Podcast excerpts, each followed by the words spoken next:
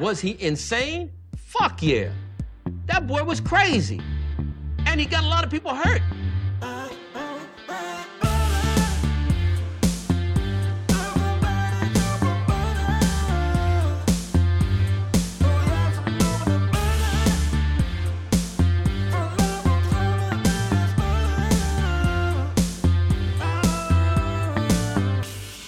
Like butter? I fucking love butter.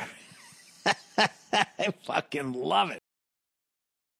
What's up, motherfuckers? Welkom bij een nieuwe aflevering van de Zonde van Je Tijd podcast. Een podcast waarin Badden niet alleen zijn eigen tijd, maar ook uw hele kostbare tijd verdoet met een uitkramen van absolute onzin. Ik hoop dat, alles, dat jullie alles in goede gezondheid treft. Waar de fuck? Er is deze week, dit is, het is nu een zondag, dus er is geen krant. Ik kan natuurlijk weer de krant van gisteren gaan lopen bekijken, maar daar heb ik helemaal geen zin in, want er staat alleen maar slecht nieuws. Yeah. Lekker man, ik heb elkaar. Waar gaan we het over? Fuck it, man. Ik ga binnenkort op vakantie. Lekker. Ik ga naar Ierland. En daar heb ik sowieso hartstikke veel zin in. Want ik ga me helemaal het lep laten suipen. Dat was de insteek. Maar dat gaat niet gebeuren, want ik trek die shit niet.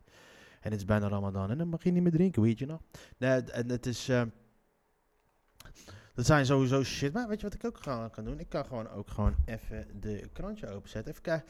Sowieso is het natuurlijk weer zondag voetbaldag. Dames en heren, ik zeg jullie nu alvast, dit wordt echt... eh, ik zeg al altijd dat elke podcast de zonde van je tijd. Bij deze wordt echt fucking zonde van je tijd. Ik doe deze podcast, neem ik alleen maar op, omdat ik voor mezelf voorgenomen elke dag 30 minuten opnemen. Gewoon omdat het gewoon moet. Zodat ik, eh, gewoon aan mijn dingetjes kan komen. En bla bla bla bla. bla. Zie je, zelfs deze zinnen slaan al helemaal nergens op. Maar het gaat om kwantiteit, niet om kwaliteit. Met de kwantiteit gaat de kwaliteit omhoog. Dus een beetje, beetje, beetje. En zo ook, weet je. Ja toch? Ja toch? Of niet dan? Ah, fijn. Kennelijk heeft deze oorlog nu dus ook invloed op de eh ISS, ISS in de ruimte. De Russen eh, zitten met de Amerikanen samen daar. Ah, dat moet de meest fucking... Dat is die ruimtestation. Dat moet de meest fucking ongemakkelijke situatie zijn op aarde gewoon. Weet je, als je elkaar gewoon niet... Dat er nu... dat is, ik denk wel dat die gasten elkaar mogen. Maar stel je voor dat ze gewoon echt... hele- Echt helemaal meegaan in die beef. En dat ze zoiets hebben van... Dat ze daar nu samen opgesloten zitten. Het, oh nee, wacht het ISS zou de Nobelprijs voor de Vrede moeten krijgen, zei André Kuipers in 2018 bij het 20-jarige jubileum van het ruimtestation. Russen, Amerikanen, Europeanen, Canadezen en Japanners werken er ruim twee decennia vredig samen. Maar de oorlog in de Oekraïne zet alles op zijn kop, ook in de ruimte. Lanceringen worden geschrapt, gezamenlijke projecten staan op de tocht. En gisteren waarschuwde het hoofd van het Russische ruimtevaartprogramma dat de sancties het ISS in gevaar brengen. Misschien wordt het tijd sowieso om die motherfuckers misschien even terug te halen. Als dat misschien een idee is. Het ISS komt wat Kuipers betreft nog altijd in aanmerking voor de Vredesprijs. Maar hij vraagt zich wel af hoe het station, of het station nog toekomst heeft. Er zijn de afgelopen jaren wel meer barsjes gekomen in de samenwerking met Rusland. Nee, dat is beter dan dat er barst in dat ding komt en jij zit daar. Dat is ook fucked up. Maar ik vrees nu toch wel dat het einde wat vroeger komt, 2024, waren waarschijnlijk waren ze dat ding in 2030 gaan. Ik dacht, ik dacht het is... ehm, toekomst ISS is onzeker vanwege de samenwerking. Ik dacht, er, is daar een fucking beef uitgebroken tussen die mensen. Daar ze lopen daar te knokken. Gespannen situaties, maar dat is niet. Hoeveel mensen zitten er eigenlijk in die ISS? We gaan hem even opzoeken. De ISS Wiki. Dit is een heel interessant iets waarvan heel weinig mensen echt heel veel van weten of zo. Want het is gewoon een internationaal ruimtestation. We gaan gewoon de wiki erbij pakken. Het internationaal ruimtestation, afgekort ISS, naar de Engelse naam International Space Station, is een ruimtestation dat in een baan om de aarde draait en door verschillende landen wordt gebouwd. Bemand en bekostigd. Op 20 november 1998 werd de eerste module gelanceerd en sinds 2000, 2 november 2000 is het station permanent bewoond. Gedurende de eerste twee decennia van de 21ste eeuw is het station continu uitgebreid. Dat is best wel fucking bizar dat er gewoon nu op dit moment zit er al gewoon mensen zitten gewoon nu rondjes te draaien in de, om de aarde heen. En, ehm, en die wonen daar. Jij woont gewoon buiten in de ruimte. Ik kwam laatst trouwens iemand tegen die overtuigd Flat Earth, active, eh, flat Earther is. En die ehm, vond dat ik eh, vanwege mijn islamitische achtergrond ook een Flat Earther zou moeten zijn. Ik zei, eh, vriend, eh, ik neem even mijn biertje en we praten zo weer even verder. Met je Flat Earth. In 1982 kwamen de kwam de Amerikaanse president Reagan met het voorstel om een internationaal ruimtestation onder de naam Freedom natuurlijk. Hier kwam echter weinig van terecht en begin jaren 90 werd, waren zowel het concept als de naam gewijzigd. Rusland, dat inzag dat er in de eigen Mir geen toekomst meer zat, dacht positief over het nieuwe ruimtestation. Het enige struikelblok was de nieuwe voorgestelde naam, Alpha. Uiteindelijk werd gekozen voor de naam International Space Station, dat in elke taal op eigen wijze wordt geschreven. De Russische plannen voor een opvolger van de Mir 2 verdwenen in de Kuurkast. Om ervaring op te doen met ruimtestations, onder andere de langdurige verblijf in de ruimtestation, gingen de VS en Rusland samen samenwerking aan. Maar wie zitten er nu op dit moment in de ISSS? De ISS. Ehm, bewoners, wie woont er in de ISS? Ah, het is dus allemaal. ehm, Jezus, wat een hoop. Wat een bemanning. Hier staat de bemanning. Naast verschillende bezoekers, ook wel ruimtetoeristen genoemd, kent het ruimtestation een vaste bemanning. Zo maakte de Belgische astronaut Frank de Winne en de Nederlander André Kuipers al deel uit van de vaste bemanning. Tegenwoordig zijn er afwisselend drie en zes personen aan boord, waarbij dien overeenkomstig één of twee exemplaren van de Sojourner TMA aanwezig zijn. Zullen ze ook een takenpakket hebben, voor als ze ruzie hebben? Zou er gekrikt worden daar? Hoe krijg je hem dan omhoog? Er is geen zwaartekracht. Wow. Ah, fijn, ik ben het berichtje nu al helemaal zat. En dun. PSV staat op dit moment 1-0 voor. Dat houdt de boel een beetje spannend. En voor de rest is het gewoon echt een, een, een, een podcast die gewoon zo zonde van je tijd is. Dat je eigenlijk nu, ik wil nu dat jullie allemaal uitdoen, uitzetten en gewoon wat gaan doen met jullie fucking dag. Want dit slaat helemaal nergens op. Tuschinski annuleert vertoning documentaire over FVD'er van Meijeren.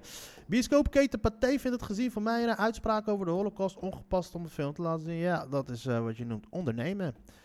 Natuurlijk gaan ze weer lopen zeiken over dat ze worden gecanceld. Het FVD'ers, eh, de FVD is echt een aparte partij. Het is echt een aparte partij. Het is, er, er, is gewoon, er komt gewoon letterlijk een hele aparte tak hier in Nederland. Gewoon een hele aparte, ehm, aparte stroming is er aan het ontstaan hier in Nederland. Met eigen partijen, eigen, eigen, eigen zenders en de eigen... eh, ja, Thierry Baudet heeft letterlijk gezegd dat hij gewoon Forumland wil gaan starten. Die motherfucker is helemaal koekoe met eigen geld, met eigen apps, zodat je elkaar kan gaan bezoeken. En dat je elkaar, en dat je elkaar allemaal, alles samen, samen, samen doet. Wist je nog toen rechtse motherfuckers aan het zeiken waren over dat we iedereen moest integreren? Dat je, niet moet, dat je niet zelf buiten moest gaan sluiten, dat je mee moest gaan doen met maatschappij. Dat was, ik mis die rechtse partijen nog, die daarover liepen te zeiken. Maar die motherfuckers lopen nu allemaal zelf te klagen over hun eigen, eigen forumland. Helemaal getikt. Je zou dat maar als Marokkaan even oproepen in dit land. Die worden helemaal neergeknald. Maar het is een, echt een, een, een, een, een eh, die, die het is, het is een enge partij. Het is echt een enge partij. En eh, nu is natuurlijk is laatst dus dat hele Kremlin in het... ehm, Kremlin in de Kamer naar buiten gekomen. In 2000 was er al een, een eh, Zembla ze al een item gemaakt over de vermeende banden tussen Thierry Baudet en het Kremlin. En nu hadden ze, naar aanleiding van de hele inval in, in, in de Oekraïne, is er weer daar. En Thierry Baudet gewoon weigert het, het gewoon achter Rusland staat in principe. En, ook gewoon het Rusland-propaganda gewoon ook deelt.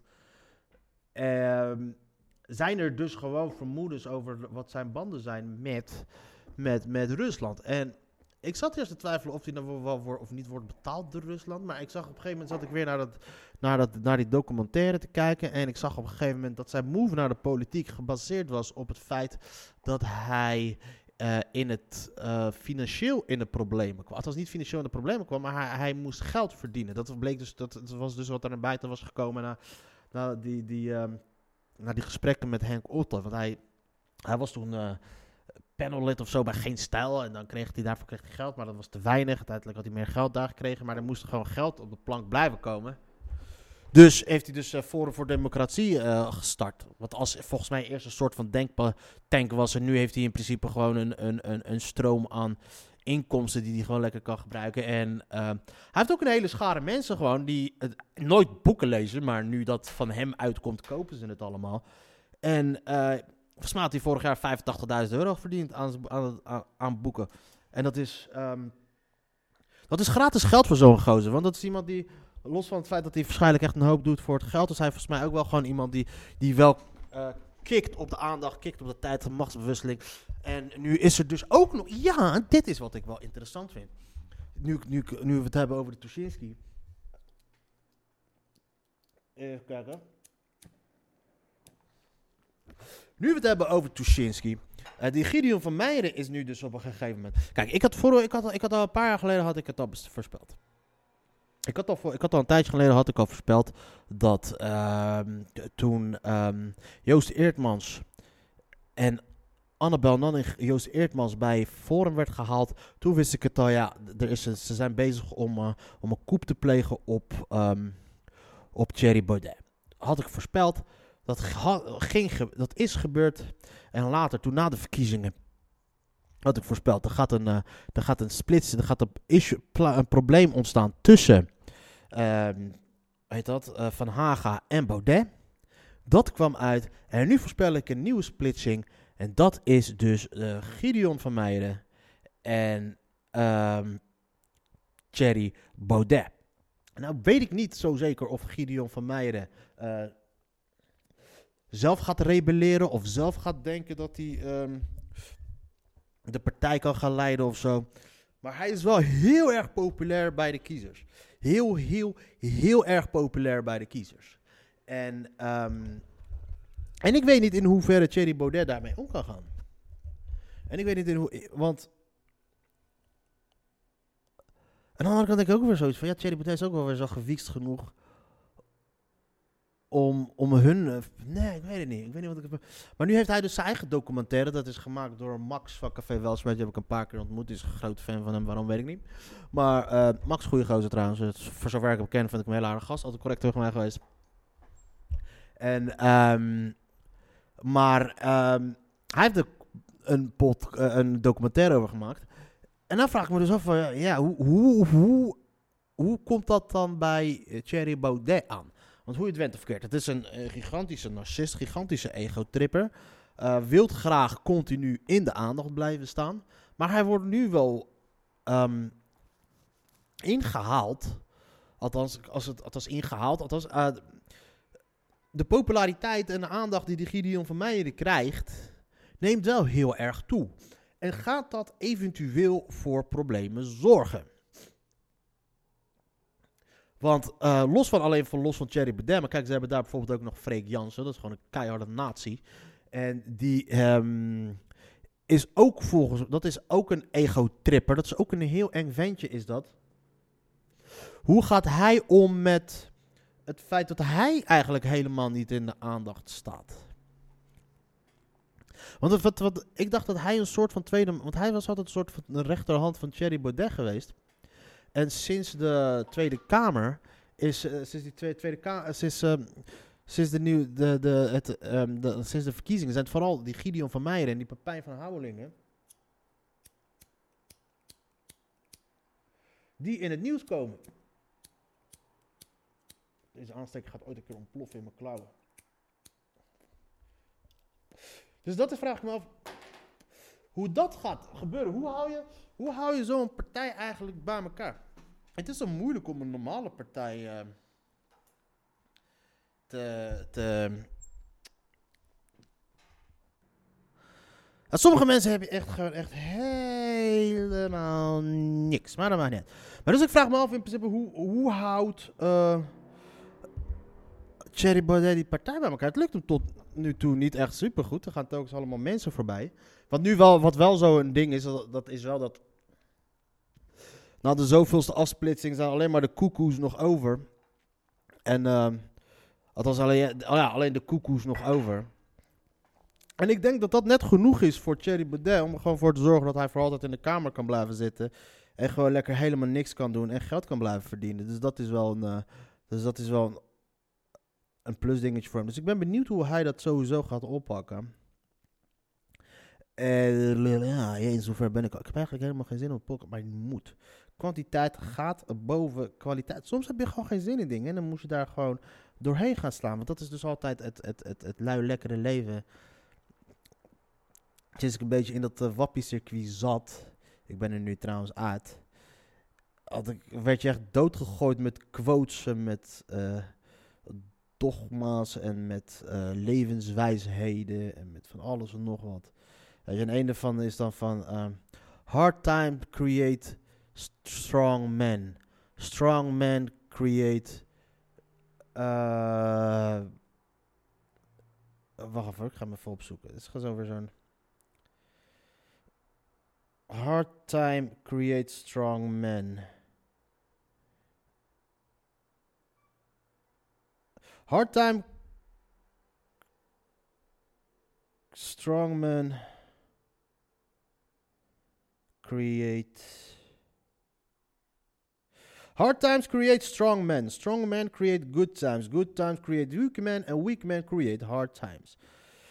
The quote from a post apocalyptic novel by the author G. Michael Hopf sums up stunningly pervasive cyclical vision of history. Er zou wel wat waarheid in kunnen zitten. En ik denk nu dat ik dus nu. Um, uh, ik zit nu in die fase van weak man. Ik ben een weak man en I create. Of uh, jij create